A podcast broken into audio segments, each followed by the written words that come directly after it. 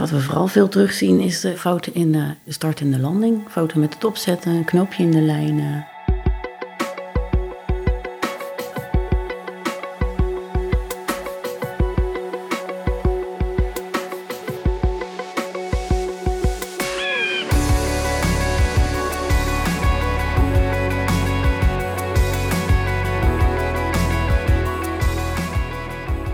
Hi, leuk dat je luistert naar Vliegpraat. Mijn naam is Harold Brouwer en voor jou maak ik de podcast over paragliden en alles wat daarbij komt kijken. En dat is ook de Veiligheidscommissie van de afdeling paragliding van de KNVVL. Want ja, er gebeurt wel eens wat in onze sport. Maar wat doet de Veiligheidscommissie eigenlijk en wie zijn de mensen die erin actief zijn? Volle bak aan tafel bij mij thuis. Saskia Moen, Wienand Sietse, Pascal Daams. En er is nog een vierde lid, Hans van het Spijker, maar die kon er niet bij zijn vandaag. helaas. Welkom allemaal. Voordat we gaan praten over de Veiligheidscommissie, ja, eerst jullie wat beter leren kennen. Saskia, in welk jaar ben je begonnen met vliegen? 2016. En jij, Pascal? 2003. En Wienand? 2011. Welk doel wil jij bereiken met paragliden? Ehm, zoveel mogelijk samen met vogels eh, de belletjes naar boven pakken. Heel veel plezier hebben. Voor mij eh, meer vliegen, verder vliegen en ja, gewoon genieten. Bergvliegen, vliegen aan de lier of soren? Eh, eerste plaats bergvliegen voor mij. Eh, dat is toch wel het mooiste wat er is. De sfeer, het landschap, eh, natuur. Ja, dat, eh, dat is wel het mooiste wat er is. Daarna lieren en daarna soren. Ik ben het eigenlijk helemaal met Pascal eens. En jij, Wienand, nog een andere volgorde? Ja, ik heb op één heb ik liervliegen. Op twee heb ik liervliegen. En op drie heb ik liervliegen. ik ben helemaal van het liervliegen. En waarom? eh, omdat ik het lieren leuk vind. Eh, maar ook het vliegen in Nederland en aan de lier vind ik gewoon heel leuk. Eh, ik vind het uitdagender als de bergen. Bergen vind ik ook wel mooi. Ook leuk om te doen. Maar ik ben helemaal van het lieren. Wat is je favoriete kleur of kleurenscherm? Ik heb geen favoriete kleur. Ik vlieg op dit moment met oranje-paars. Roze. Eh, maakt mij niet zoveel uit. Ik heb op dit moment een, een overwegend wit scherm met eh, blauw en een oranje en gele slierte eigenlijk er doorheen. Wat is je meest gedenkwaardige vliegmoment tot nu toe? Eh, dat zal denk ik het rondje meer geweest zijn in Annecy.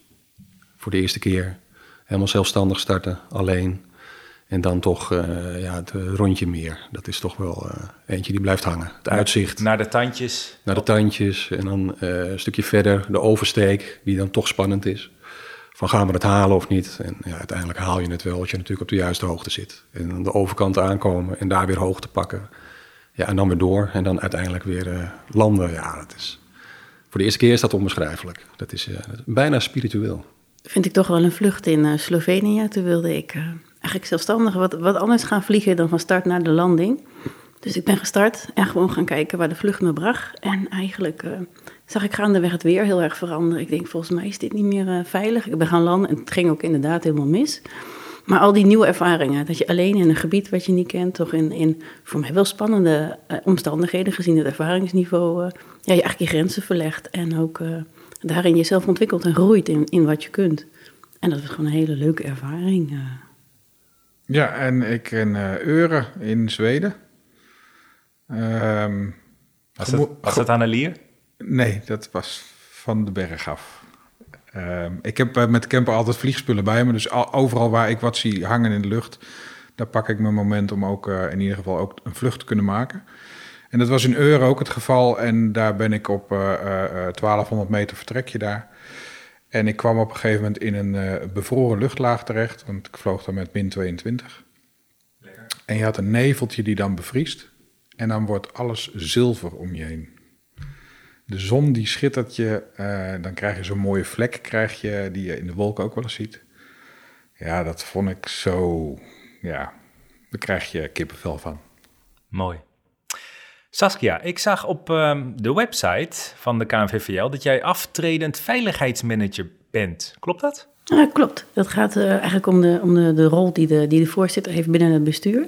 Dus dat is inderdaad eh, aftredend. Daar ga ik een stapje in terug doen en eh zal een opvolger voor komen. Blijf je wel in de veiligheidscommissie? Ja, ik blijf wel in de commissie. Ja. Want daar gaan we het nu over hebben. Wat is het doel van de veiligheidscommissie? Wat is het doel? Nou, het, het grootste doel is dat je uh, de informatie verzamelt van incidenten waarvan je de kennis gaat delen, zodat het niet meer of minder voorkomt. Het verzamelen van de incidenten. Van de incidentinformatie. Dingen die anders gaan als normaal vliegen, waar lering uitgetrokken kan worden en waar, uh, waar je informatie van kan gebruiken om andere vliegers, uh, maar ook instructies en dat soort dingen te kunnen uh, informeren. En daar moeten meldingen van komen? Ja. Bij jullie? Ja. Incidenten worden gemeld bij de Veiligheidscommissie of bij de veiligheidsmanagers van de club. Um, de ernstige incidenten komt bij de Veiligheidscommissie via de EAPU standaard meldingsformulier wat je op de site kan vinden van uh, KNVVL. En uh, de kleine incidenten, leerzame incidenten, die worden bij een veiligheidsmanager van een club of school verzameld. En die krijgen we eind van het jaar in een jaarrapportage van de club of school. Ja. Saskia, hoe hoeveel van die meldingen krijgen jullie eigenlijk? Dat varieert natuurlijk, natuurlijk per jaar. En um, wat we vooral doen met de melding is alles bij elkaar uh, brengen. En die samenwerking met de veiligheidsmanagers, die Wienan noemde, is daarin wel heel erg belangrijk. Uh, we zien elkaar of spreken elkaar uh, in ieder geval één keer per jaar over die meldingen. En daarin zoek je met elkaar de rode lijn en deel je ook de, de inzichten en de ervaringen. En er zit natuurlijk een stukje herhaalde meldingen in, maar ja, gaat toch wel echt wel over de duizend meldingen heen, uh, als ik een inschatting moet maken. Ja, en dat zijn dan ook meldingen uit andere landen. In Nederland ongeveer 175 tot 200 meldingen per jaar, zo ongeveer. Ja. En dat zijn meldingen gedaan door scholen, clubs, maar ook individuele piloten? Ja, dat gebeurt wel, ja. ja, ja. Maar je moet het dan ook nog wel even melden. Ja, dat is natuurlijk het, het belangrijkste. Uh, dat gebeurt niet altijd. Uh, de meldingen die gedaan worden, die variëren ook in uh, hoe uitgebreid ze zijn. Uh, vaak kan je uit een melding niet meteen halen van wat er nou gebeurd is. je wil eigenlijk weersomstandigheden wil je weten. Je wil gewoon de situatie weten. Je, wil zoveel mogelijk weten. En dat komt er niet altijd helemaal uit. Um, maar het is ja, belangrijk dat er zoveel mogelijk gemeld wordt. Zodat je met de informatie die je hebt ja, zoveel mogelijk, uh, uh, het zoveel mogelijk kan delen onderling met de veiligheidsmanagers. En dat je daar dan inderdaad de lering uit kan trekken. komt iets vaak voor? Waarom komt iets voor? Zit daar een bepaalde lijn in? En dat is eigenlijk nog helemaal niet zo makkelijk, maar dat, dat is wel wat we proberen. Ja. Nou, gaan we het zeker verder over hebben in deze aflevering. hoe komt het trouwens dat het niet altijd uniform is uh, en uitgebreid wat mensen invullen. Ja, er is een, een, een, standaard document wat je invult, met je naam, plaats enzovoort. Uh, enzovoort. Um, ja, niet iedereen is heel specifiek uh, in zijn omschrijvingen. Um, over het algemeen gaat dat goed, maar soms mis je wel belangrijke dingen. Zoals? Nou als je een, een, melding krijgt, ik zeg maar even bijvoorbeeld wat, ja, iemand vloog uh, bij de bergwand en uh, is uit het oog geraakt en is later gevonden met een verwonding, dan weet je eigenlijk niks. Uh, vloog hij in de lijzijde, loefzijde, was het harde wind, is die verrast? er kan van alles gebeurd zijn en die informatie mis je dan. En dat is wel wat je, wat je hebt, want niet alles wordt gezien. En de mensen die het overkomen is, die hebben een bepaalde. Uh, ja, die, die, die, die, die, zeggen van goh, dit is wat er gebeurd is. Uh, maar ja, door spanning, angst uh, kan dat natuurlijk ook vertroebeld zijn, wat er werkelijk gebeurd is. Dus er zit altijd een bepaalde ja, onduidelijkheid in. Het is misschien ook meteen een mooi moment om aan jullie te vragen, als je zo'n formulier invult, er is wat gebeurd, wat is een goed moment om dat te doen? Wanneer moet je dat doen? Is dat vlak na het ongeval? Moet je misschien een dag wachten?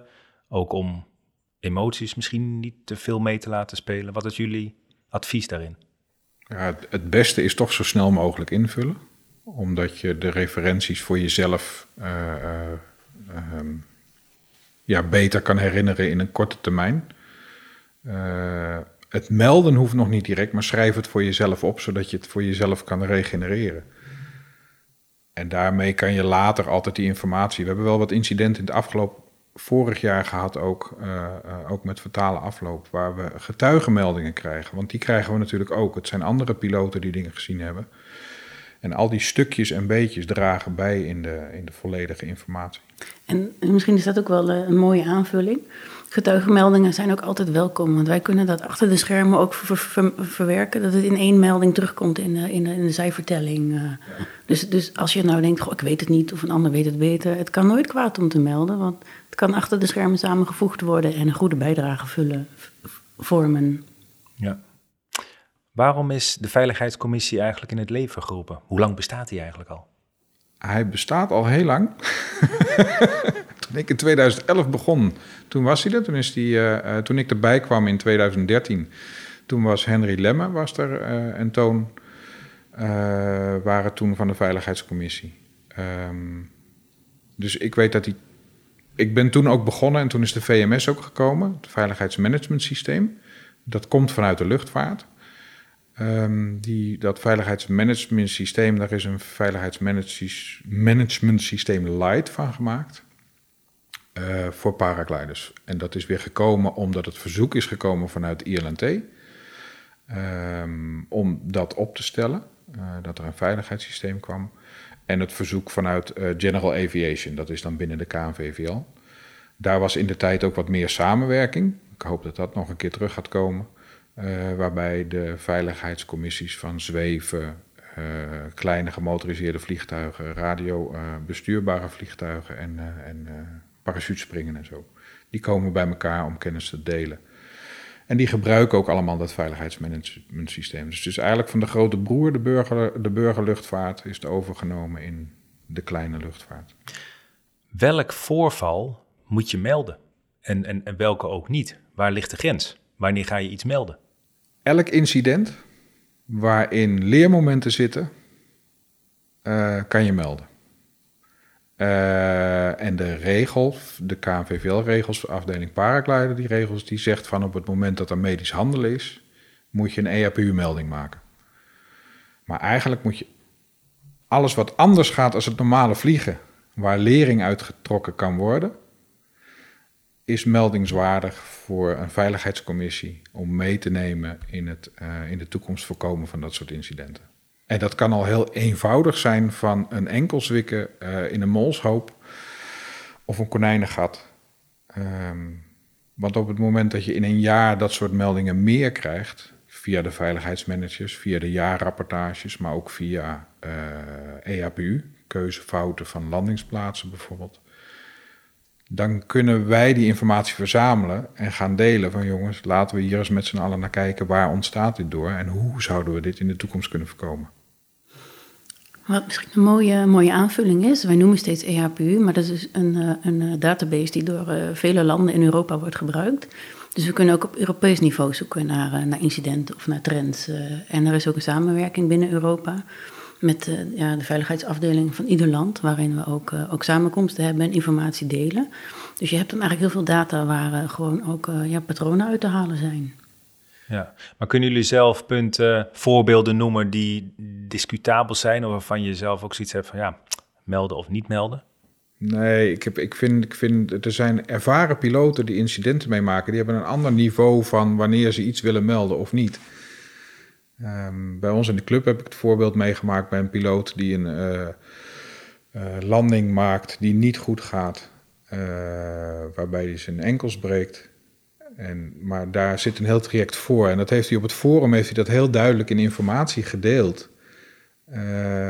en dat is hele leerzame informatie, ook voor beginnende vliegers, beginnende piloten, maar ook voor gevorderde piloten, om dat soort dingen wel terug te lezen. Ja, maar daar brak hij zijn enkels, dus ik kan me voorstellen dat is per definitie dus een melding. Dat is een melding, ja. ja. ja. ja maar zijn er ook... Maar die krijg je dan als algemene melding binnen en dan zie je in het forum, binnen de club zelf, binnen de, ja, in, de, in dit geval de vertrouwde omgeving, zie je dat er meer informatie gedeeld wordt die je daar best wel voor zou willen gebruiken. In dit geval heb ik de piloot ook gevraagd om de informatie uh, wel te mogen, uh, breder te mogen delen, omdat, het, omdat er zoveel leermomenten in zitten. Het is ook specifiek. Hè, uh, van wat voor soort piloot ben je? Uh, ben je iemand die van een, glijvlucht houdt? Dan zit je natuurlijk in een heel ander genre qua problemen dan iemand die een acro doet. Ehm, en daar heb je natuurlijk verschillende risico's komen daarin voor. En ehm, ook de verschillende ongelukjes. Als jij van een glijvlucht houdt en het is nul wind en je legt je scherm niet goed uit en je zet hem op en hij komt daardoor scheef en je redt het start niet en je, glijdt naar beneden en je verswikt je enkel, dan is het heel wat anders dan als jij een tumble doet en daardoor kom jij in de problemen en redt het net niet om alles te herstellen en, en, komt met een harde klap neer en breekt je enkel. Ik noem maar even. Het zijn natuurlijk totaal verschillende uitersten. Maar dat zijn verschillende soorten informatie die ja, ook anders verwerkt zouden moeten worden.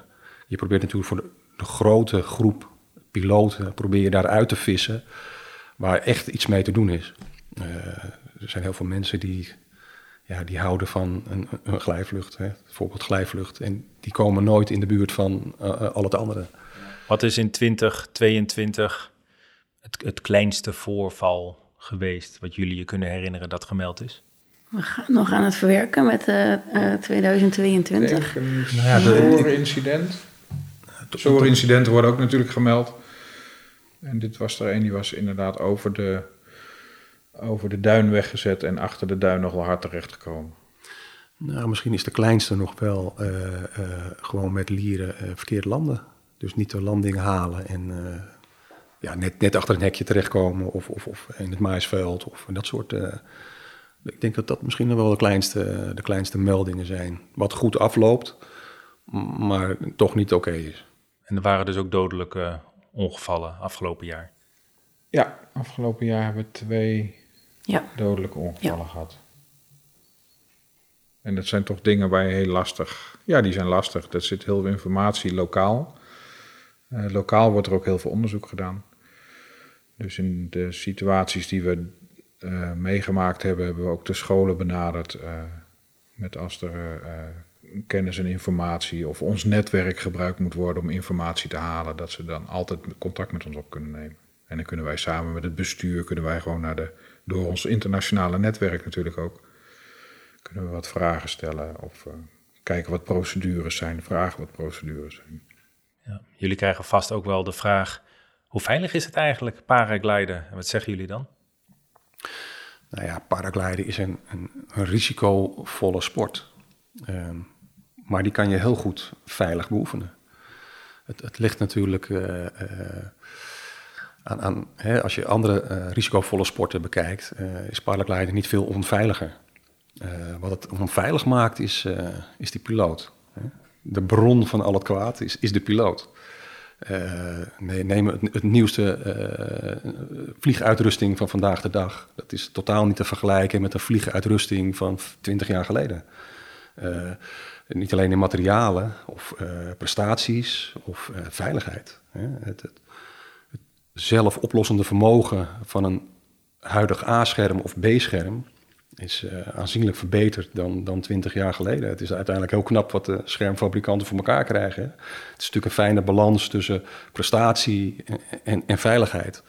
En uh, naarmate je van, van, een A-scherm naar een B-scherm gaat, ja, verlies je een klein stukje veiligheid. En die piloot moet dat op een gegeven moment gaan aanvullen met de juiste vaardigheden die hij in zijn periode leert. Ehm, en, en, daar zit meteen het probleem natuurlijk. En je zou ook kunnen denken, doordat het materiaal verbeterd is de afgelopen jaren, dat piloten ook denken, hé, hey, ik, ik, ik kan er meer mee. Ja, dat zeker. Dat zien we ook zeker wel gebeuren, ja. En de keuze naar een ander scherm toe of naar een groter scherm toe. Kijk, het, de, de schermen zijn alleen maar veiliger geworden. En uh, Pascal die zegt inderdaad over de afgelopen 20 jaar, want die vliegt al 20 jaar, ik vlieg 10 jaar en ik denk dat we uh, uh, 90% verbeterd zijn in die 10 jaar qua schermen. Dat gaat zo ontzettend snel, die ontwikkeling. En er zijn zoveel ervaren mensen mee bezig. Maar het is, het is de keuze van de piloot die ervoor zorgt dat er wel of geen incident gebeurt. Kijk, de, de schermen die, die, die zijn vandaag de dag eigenlijk zo goed. Die zijn zo vergevingsgezind dan heb ik het over een A-scherm en een B-scherm. Op het moment dat je wat hoger komt, is het natuurlijk uh, toch wel een iets ander verhaal. Um, ja, dat, dat, dat vertroebelt eigenlijk eh, of hoe vaardig iemand is. Het ligt dus En- aan de piloot. Ja, en da- Ja. da- da- dat is letterlijk de bron van al het kwaad. De piloot zelf. en niet alleen de piloot zelf, maar ook je medepiloten. Wat ik dan zelf bij mezelf gemerkt heb, op een gegeven moment ga je, dat is al wel een tijd geleden, maar je gaat van een A-scherm naar een B-scherm. Dat is voor je gevoel eigenlijk al heel spannend. En wat is daar dan het verschil tussen? Eh, nou, dat is eh, de, de, de, hè, de, kracht van je, van je tokkels, je stuurlijnen. Hè, eh, hoe, hoe ver trek je die aan? Nou, bij een A-scherm, helemaal aan het begin van een opleiding, dan heb je nog wel wat spanning of panieksituaties. En dan trek je daar flink aan. Gebeurt er eigenlijk niet heel veel. Tot op zekere hoogte natuurlijk. En bij een B-scherm is dat alweer anders. Dus daar zie je al meteen weer wat verschil. Het scherm doet uiteindelijk eh, één ding. En dat is wat hij het liefst doet. En dat is vliegen. Saskia, welke ongevallen fouten zien jullie regelmatig terugkomen in de meldingen? Ja, wat we vooral veel terugzien is, eh, is ehm, ah, fouten in, de, in, eh, in ja, start en de landing. Fouten met het opzetten, een knoopje in de lijn. eh, ah, die, ja, die blijf je gewoon terugzien. En die, die zullen ook blijven. Hè? Elke keer kun je daar opnieuw wat van leren. Ehm, het is niet zo dat je tot een inzicht komt dat je het kunt voorkomen. Dat die meldingen op nul gaan blijven. Eh, die horen gewoon bij, eh, bij je startvoorbereiding. Ja, wat, wat, je, wat je gewoon eigenlijk eh, ziet is... Parkleiden is een sport die moet je regelmatig beoefenen. Het is niet dat je zegt van... Nou, ik, ik, ik doe het even twee jaar niet... en ik ga een berg op of ik ga meteen lieren... en alles is weer eh, oké. Dat, dat is het niet. Het is een sport die je... Het is een echte sport. Je moet het echt blijven beoefenen. Je moet routine hebben. Eh, dat is het belangrijkste wat er is. Heb je geen routine, eh, dan kan je in de problemen komen. Je hebt, eh, nou ja, wat Saskia zegt, eh, een goede starttechniek heb je nodig, goede landingstechniek. Je hebt een goede schermbeheersing heb je nodig. Dat is echt heel belangrijk, zowel op de grond als in de lucht. Eh, je, moet natuurlijk ook eh, kennis hebben van het weer, goede inschatting van het weer. Je hebt eh, inschatting nodig van waar kan ik wel vliegen en waar niet. Hè. Obstakels, loeflijden, zij, eh. Eh, dat heb je in Nederland, dat heb je in de bergen. Eh, mindset is ook een belangrijk ding. Eh, spelregels, hè. als dat allemaal samenkomt, dan is het een fantastische sport. Dan is er, eh, ja, ge- geweldig. Maar schort er iets aan, schermbeheersing, eh, dus regels beheers je niet goed, zichtregels, afstandregels, nou, noem ze allemaal maar op. Ja, dan, dan kan je in de problemen komen. En dat zijn toch dingen die terugvallen op routine. En eh, je ziet gewoon dat mensen te weinig, eh, nou, of ze het niet serieus nemen, dat, dat, zo wil ik het niet, niet stellen, maar ze gaan er te makkelijk mee om. Oh, het is een sport. Oh, we doen even gezellig dit en even gezellig dat. Nee, het is wel een serieus eh, iets waar je mee bezig moet blijven. Je moet jezelf blijven ontwikkelen. En ja, doe je dat niet, dan, dan sluipen de foutjes erin. Dan vergeet je eens een keer wat. je- let even niet op. ja, en dan, dan ontstaan er dingetjes. En eh, Nee, ik heb het zelf met, eh, met, met vliegen. Ik noem het voor mezelf altijd. Eh, dat ik een keertje word opgeleerd en dat je lekker boven de 500 meter afkoppelt. Dat je dus even wat ruimte hebt om gewoon voor jezelf even wat wingovers te doen. Wat 360's, wat sneller, iets actiever met je speed zijn, een keertje doorremmen. Eh, Wat oefeningen in de lucht. Gewoon. gewoon wat oefeningen in de lucht om ook je het vertrouwen in je scherm te krijgen. Wat doet hij? eh, eh, op een gegeven moment merk je dat je wingtip een keer wegklapt. Eh, met dit scherm vond ik het, ik, ben naar een C-scherm toe gegaan. Daar ga je dan naar de instructie toe en daar zeg je op een gegeven moment van... oren moet je hier actief eruit halen. Ja, dat heb ik met mijn vorige scherm, was koek en ei. Ze zeggen wel eens, dat was de Mercedes 190, die bleef altijd vliegen. En, eh, en dit scherm ben je gewoon wat actiever mee. Eh, en dat, dat kan je alleen maar vliegend in de lucht en op je start kan je dat oefenen. Ja, kijk, ik, ik probeer voor mezelf altijd, hè, want je hebt natuurlijk een, een vliegseizoen. Hè, en eh, je komt op een gegeven moment, begint het seizoen weer. Ik probeer voor mezelf toch altijd wel ook wel te ground handelen eerst. Echt, echt, voordat ik echt ga vliegen, probeer ik toch eerst weer even van, oh, oh ja, hoe zit het ook alweer? Je weet het wel, maar je moet het toch weer even in je vingers krijgen, zodat je niet eh, de onnodige spanning voelt van weer zo'n eerste start. Of, of eh, het seizoen komt er weer aan, dan probeer je gewoon als het een beetje lekker weer is, probeer je dat toch weer even, net even weer de finesse te voelen. Eh, en toch weer even op te zetten. En, en dat kan ook gewoon op het lierveld zelf. Hè? Eh, of in het land waar je begint met vliegen, kan dat ook gewoon dat je even apart even de boel uitlegt en er weer even wat probeert. Ik, ik heb zelf nooit, eh, tot nu toe nog nooit gedaan dat ik eh, me zo prettig voelde dat ik in één keer boven op een berg start. Van nou, dit is weer de eerste sinds acht, negen maanden. En we gaan opzetten en we gaan weg. Dat, dat, nee, daar voel ik me ook niet prettig bij. Ik wil toch eerst weer even alles in mijn handen gehad hebben. En, want hoe, hoe dan ook, voor mij tenminste, het, het blijft altijd spannend. Gewoon de spanning, de kick, de eerste keer wegvliegen. En dat, ja, dat, dat is fantastisch. Maar uh, heb je niet de voorbereiding, dan is het uh, geen prettige spanning. En, uh, Neem er de tijd voor. Ja, dat is het ja. belangrijkste uh, ja. om te doen. Wat gebeurt er met de informatie van de meldingen? De, jaarlijks worden sowieso de meldingen door ons verzameld, samengevoegd in een Excel-document. En die wordt met de veiligheidsmanagers van de scholen en clubs wordt die gedeeld. Daar maken we een PDF van. Datzelfde gebeurt ook met de incidentmeldingen, die de rapportages, die de jaarrapportages, die de, de scholen en clubs maken. En die worden, in een, uh, die worden sowieso allemaal geanonimiseerd. Deels automatisch en deels moeten we ze eigenlijk wel allemaal nalezen. Maar ook de veiligheidsmanagers nalezen. En daar corrigeren we elkaar ook in. Uh, dat we ook namen eruit halen. Eigenlijk locaties laten we wel staan. schermsoorten laten we staan. En de, uh, de incidentbeschrijving, daar wordt nog wel eens in gezegd dat uh, Lear operator Jantje, nou dan moeten we er even voor zorgen dat dat ook geanonimiseerd is.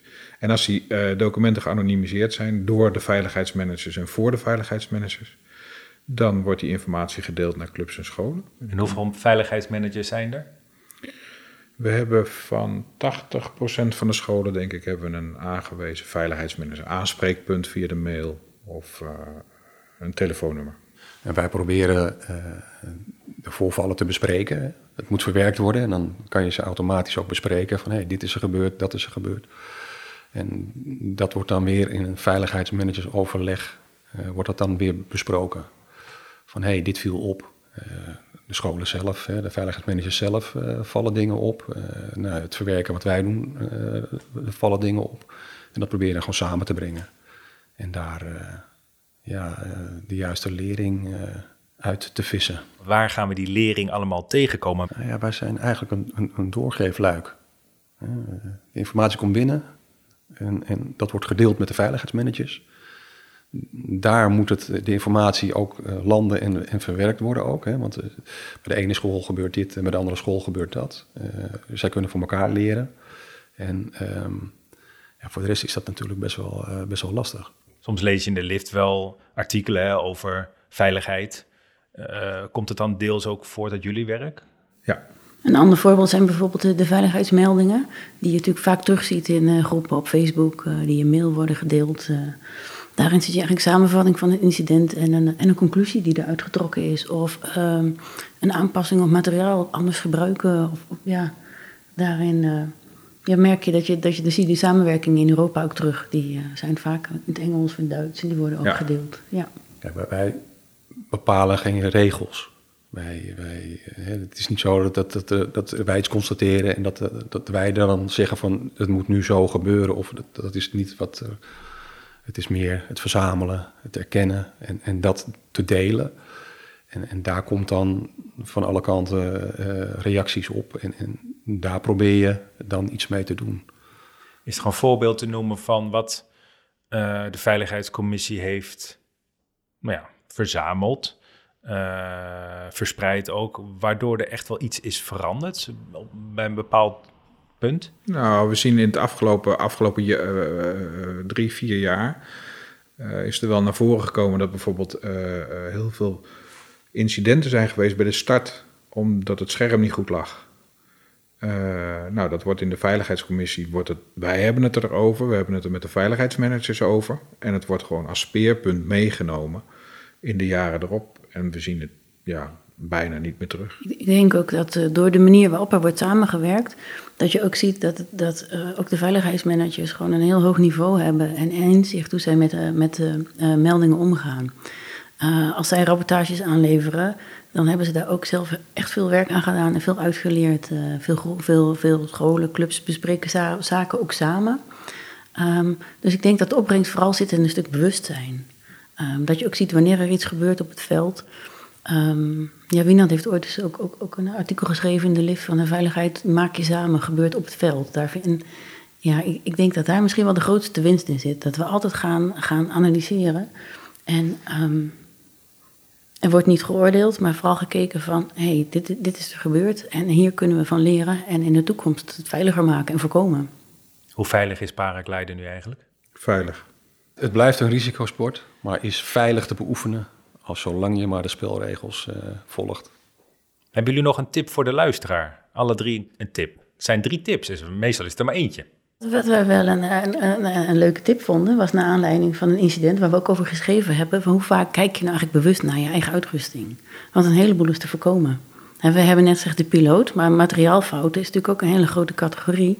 En uh, door zeker zelf goed kijken, ook voor elke vlucht en naar het onderhoud van je materiaal, kun je een heleboel ellende voorkomen. Wat ik als echte tip wil geven, en wat ik ook gezien heb, ook met de oude mensen van de Veiligheidscommissie en de incidenten die we eigenlijk hele, het hele jaar doorlezen blijf bij je scherm waar je je prettig onder voelt. En maak niet te snel eenvoudig een stap naar een hoger geclassificeerd scherm omdat andere mensen verder vliegen, omdat je overal leest dat het weer beter is. Omdat de afgelopen jaren hebben we ook voorbeelden gehad. De piloot uh, uh, maakt paragliden veilig of onveilig. Uh, daarin is het belangrijkste routine. Zorg dat je zelf een goede routine hebt. Dat je gewoon standaard, oké, ik, ik begin hiermee en ik eindig daarmee en dan start ik pas weg. En start niet eerder weg voordat je daar een goed gevoel over hebt. Laat je niet gek maken op een drukke startplek of, of dat mensen staan te wachten of mensen tegen te roepen van schiet eens op. Jij moet vliegen, het is jouw leven. Uh, neem de rust, je, je hebt geen haast. En laat je niet gek maken door andere mensen. Zorg dat je gewoon alles netjes voor elkaar hebt. Dan kan je heel lang plezier hebben van deze fantastische sport. Dank jullie wel. Dank je wel. Alsjeblieft. Ja, graag gedaan. Je hoorde Saskia, Wienand en Pascal over de veiligheid en de Veiligheidscommissie. Nou, dan moeten we nog even erin monteren. Oh ja, uh, ground handelen is ook heel erg belangrijk. Zowel, uh, laten we zeggen, schermbeheersing is heel belangrijk. Uh, zowel op de grond als in de lucht. Ja, Tijd nu weer om de grens over te gaan naar de rubriek Schermfabrikanten aan het woord. Deze keer zijn dat Papillon en Subair. Hello, my name is uh, Boris uh, Kioka. I'm the chief of Pavilion Paragliders from the Wasserkuppe, the highest mountain of one part of Germany. And I'm happy to have a talk with you. Ik begin met twee korte vragen. Sinds wanneer bestaan jullie? Five years ago we will start to make our own gliders. Paragliding kent inmiddels verschillende disciplines. Wat voor soorten schermen maken jullie?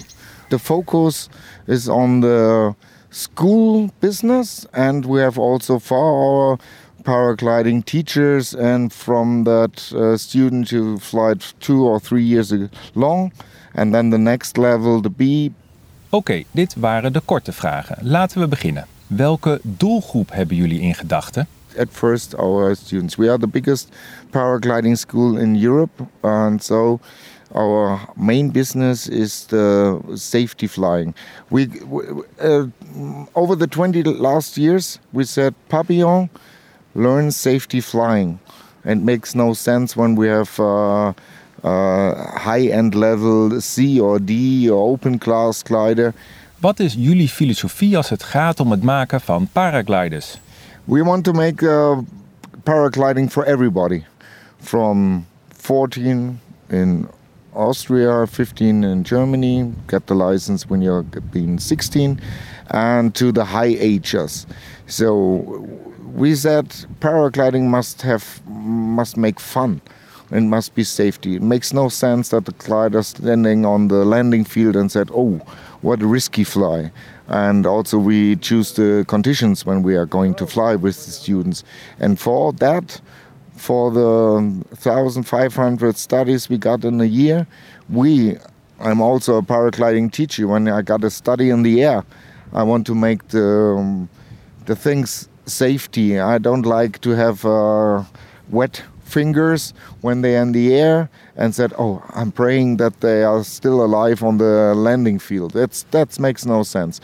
At first, step by step, when you're going to going to fly, you are a father or the mother of a child, and it makes no sense when you are going to hospital. And so that's that's the few, and that makes uh, seventy percent of our um, uh, buyers. So, and uh, I think so that's the part of us.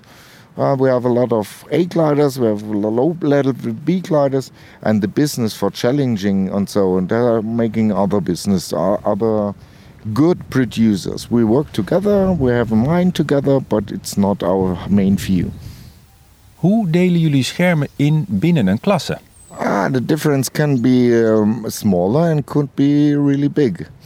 And so to, to have a view over that, we will make uh, a lot of tests on the same day with a lot of different gliders with one pilot. And we see all the tests with the GoPro.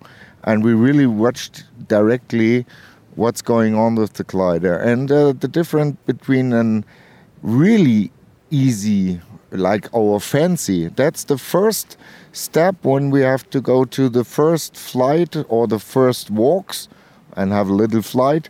We have a fancy. It's the really safest glider i mean. Yeah and uh, and then the next step is to get the the bodyguard. And over that you can choose other gliders and you see the difference from the power and also from the safetiness. And so no, not everybody could fly a B glider, a low level B glider could be really different to a safety A glider. And so step by step, and when you are really often going fly, we have the money to have free time much as you have to work, so you are able to fly a higher class. But the gliders from the day, as an um, we, we call it in Germany Breitensport or everybody can do it um, with the A glider or the B glider. It's um, this, the, the power. Uh, 10, 15 years ago, you're flying on the contest from. You're able to fly long distance. And uh, my philosophy is it makes not the difference from the glider.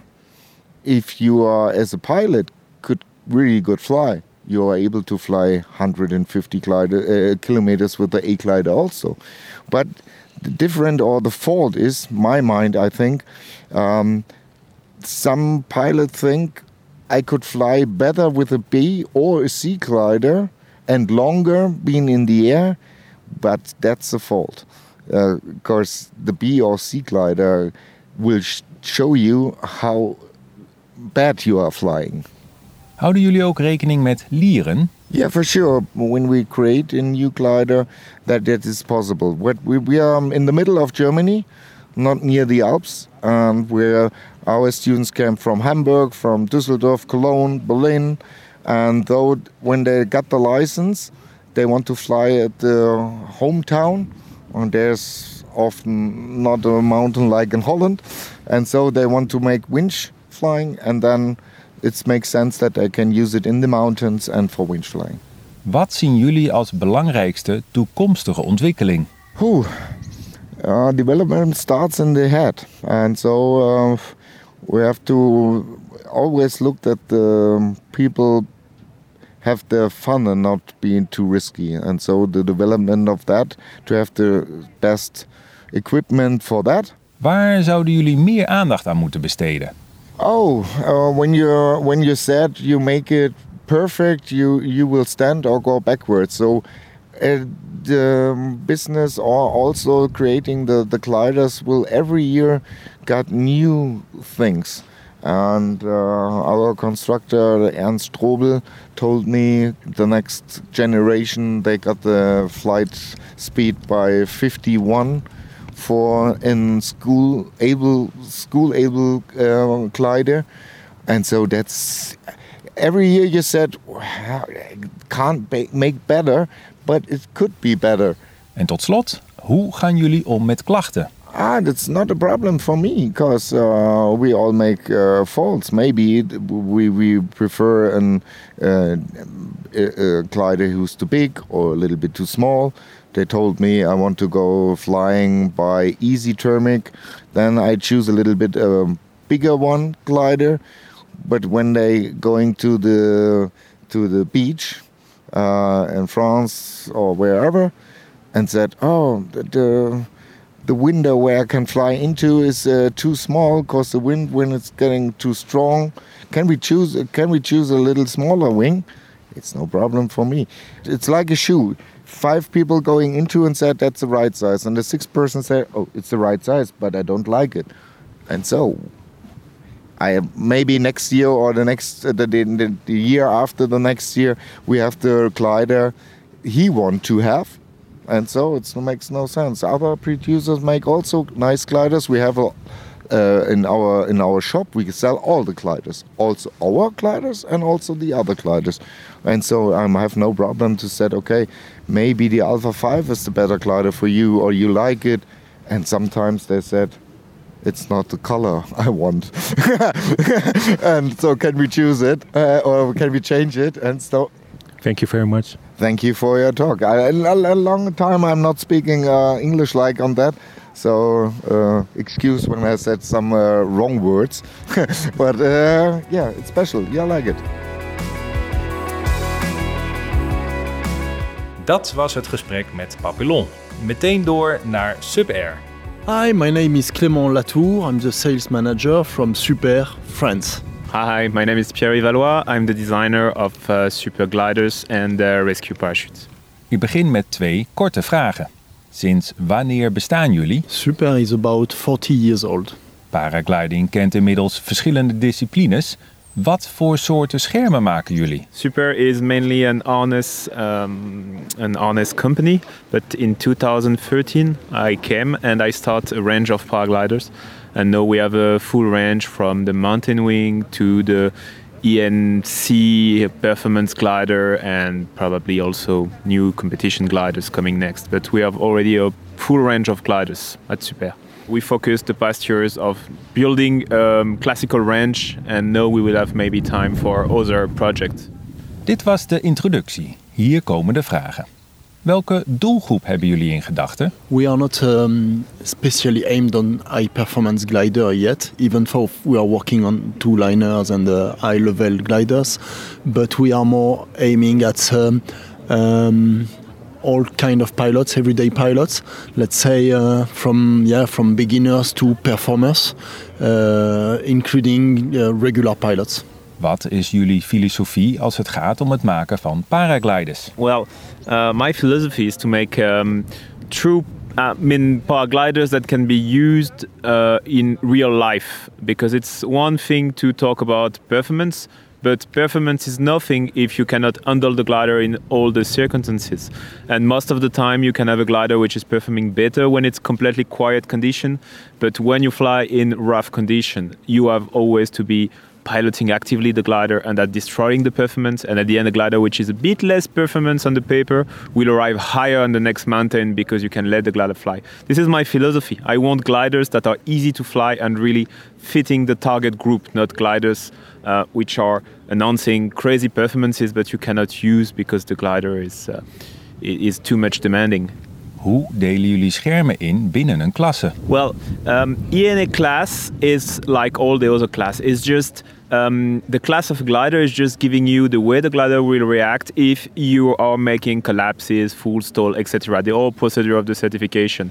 It's not about performances. It's only about you make a test and you see how the glider is reacting. The A class is a class which is having a very high level of passive safety. And if you have a complete beginner glider or a what we can call A plus glider, the safety is the same. The difference is the gliders you, you use for training are gliders we try to make very simple to focus on the price because it's a working tool for the school. They will need to buy 10, 20 PCs during the season and they want for sure to make money and not spend too much money on these gliders because it's glider the, the, the students because they don't know how to do will destroy easily. So when we go for uh, designing a A plus wing, we have a completely different mind. It's not a glider that will be used on the first day on the training slope. It's a glider that the customer will take after his training and for flying and and um, and this glider can include more technologies, more uh, diagonal ribs, thinner lines. It's it's we can really uh, push the design to give the best performance. It's not dealing with the passive safety because it's still passing through the same certification, but we can really increase the performance and the handling and and that will help the pilots to um, increase their level faster. Houden jullie ook rekening met lieren? I have to admit, we take very few uh, uh, winching into account because, I mean, we are in the middle of the Alps in Annecy. Of course, we are selling gliders and harnesses in some places where winch is used, but this is not our main se- our main segment, so not enough. Yes, for sure, it's safe to do that, but uh, we are based in the Alps, and for sure, paramotoring, winching are kind of uh, activities we are not practicing ourselves, so we are mostly focusing on what we like, flying paraglider. Wat zien jullie als belangrijkste toekomstige ontwikkeling? If you check the past 20 years, um, 20 years ago, every year we were gaining performance, performance because there was a lot of new technology. But in the past five years, maybe a bit more, we are really um, having gliders more or less same performance. You can check which glider are winning the world championship. It's mostly the same glider than three or four years ago because it's really difficult to go very far in performance. But we can focus on making the performance more um, user friendly, um, more. We have school wings with crazy amount of performance and even me, uh, I like flying with competition gliders, but sometimes I just take a A glider or B, and I'm so fucking surprised about what you can do with these gliders. So easy. You can take the time of really enjoying flying. I mean, you do not need to focus on piloting actively the glider. So this is, I think, the future is making gliders um, with a very high level of passive safety, um, offering to pilots the same uh, possibility of flying cross country thermaling than gliders maybe five or six years ago that were a glider for competition pilots. And hopefully, we will go to more safety in the future and also maybe more durability. Over the past years, we've been moving to towards um, uh, lightweight gears for the gliders, but also for the parachutes and for the harnesses. So we go more and more lightweight, and, and now we have to extend the durabilities of the product because the products are getting expensive. They are getting uh, difficult to, to get to get supplied because of the international and current situation. So hopefully we go with more durability and more safety in it. Waar zouden jullie meer aandacht aan moeten besteden? That's a difficult one, but we are working on um, process, internal process to make sure that uh, we are more efficient in what we are doing and we are doing it better.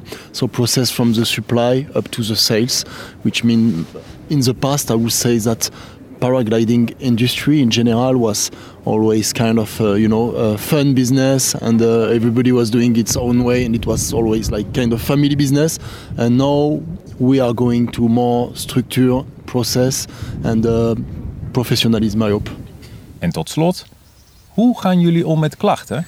Well, um, we are really taking complaints, complaints sorry, um, in, in account for sure. We are trying to give answers. We have the chance of being a big company with a after sales service, which is quite performant. Um, yeah, it's it's really something. Every time a customer or pilot is reporting something, we are taking it in account for the next model. If it's just flying experience, if it's um, if it's a, a product that is um, because sometimes it's happened, which is having um, durability, which is um, showing some problems we take in account immediately and we can change and update the product. And we are quite reactive and the team is, is really focusing on that because for sure um, we are always like uh, all brands not only paraglider but we need to always uh, remember that uh, customers pay the gliders and pay the salary of uh, our salary. So we need always to take in account what they want not to do what we want. It's what they want which is the most important And, and did you have to deal, for instance, with uh, safety issues which you had to publish yet? Of course, I mean, we have been dealing with safety issues in the past. Recently, two years ago, we have to deal with a, a big safety issue on our tandem glider. Uh, this was not the first time we have to deal with a safety issue, and I guess there will be some other time in the future, but we are working on thanks to this process I was mentioning on improving our um, R&D um, uh, process and way of working to make sure that we avoid these safety warnings in the future as far as we can. Super philosophy about this is to always, when there is a, a safety issue, always publish about it. Always be um, completely open and tell, okay, we have a problem. Not saying, okay, we try to hide, and uh, no, we we are really, um, uh, yeah. Every time there is a problem, we say there is a problem. Safety is the main point. point, and even if it gives us really hard time to solve the problems, the, the main focus of the company is the safety of the pilot. Thank you very much. Hey, you're welcome. Thank you, Harry.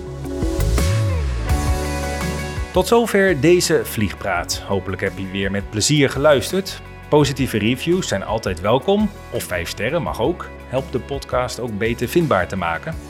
Een donatie doen omdat je graag naar Vliegpraat luistert? Tuurlijk, super welkom. En dat kan makkelijk via petjeaf.com slash paraglidingvliegpraat. Tips, vragen zijn altijd welkom. Stuur even een mail naar harroapenstaarthebmp.nl en vergeet je niet te abonneren op Vliegpraat in de favoriete podcast-app. Dan zie je meteen wanneer er een nieuwe aflevering online staat. Check nog even extra eventuele knoopjes in je lijnen en ga voor een veilig landingscircuit. Tot de volgende!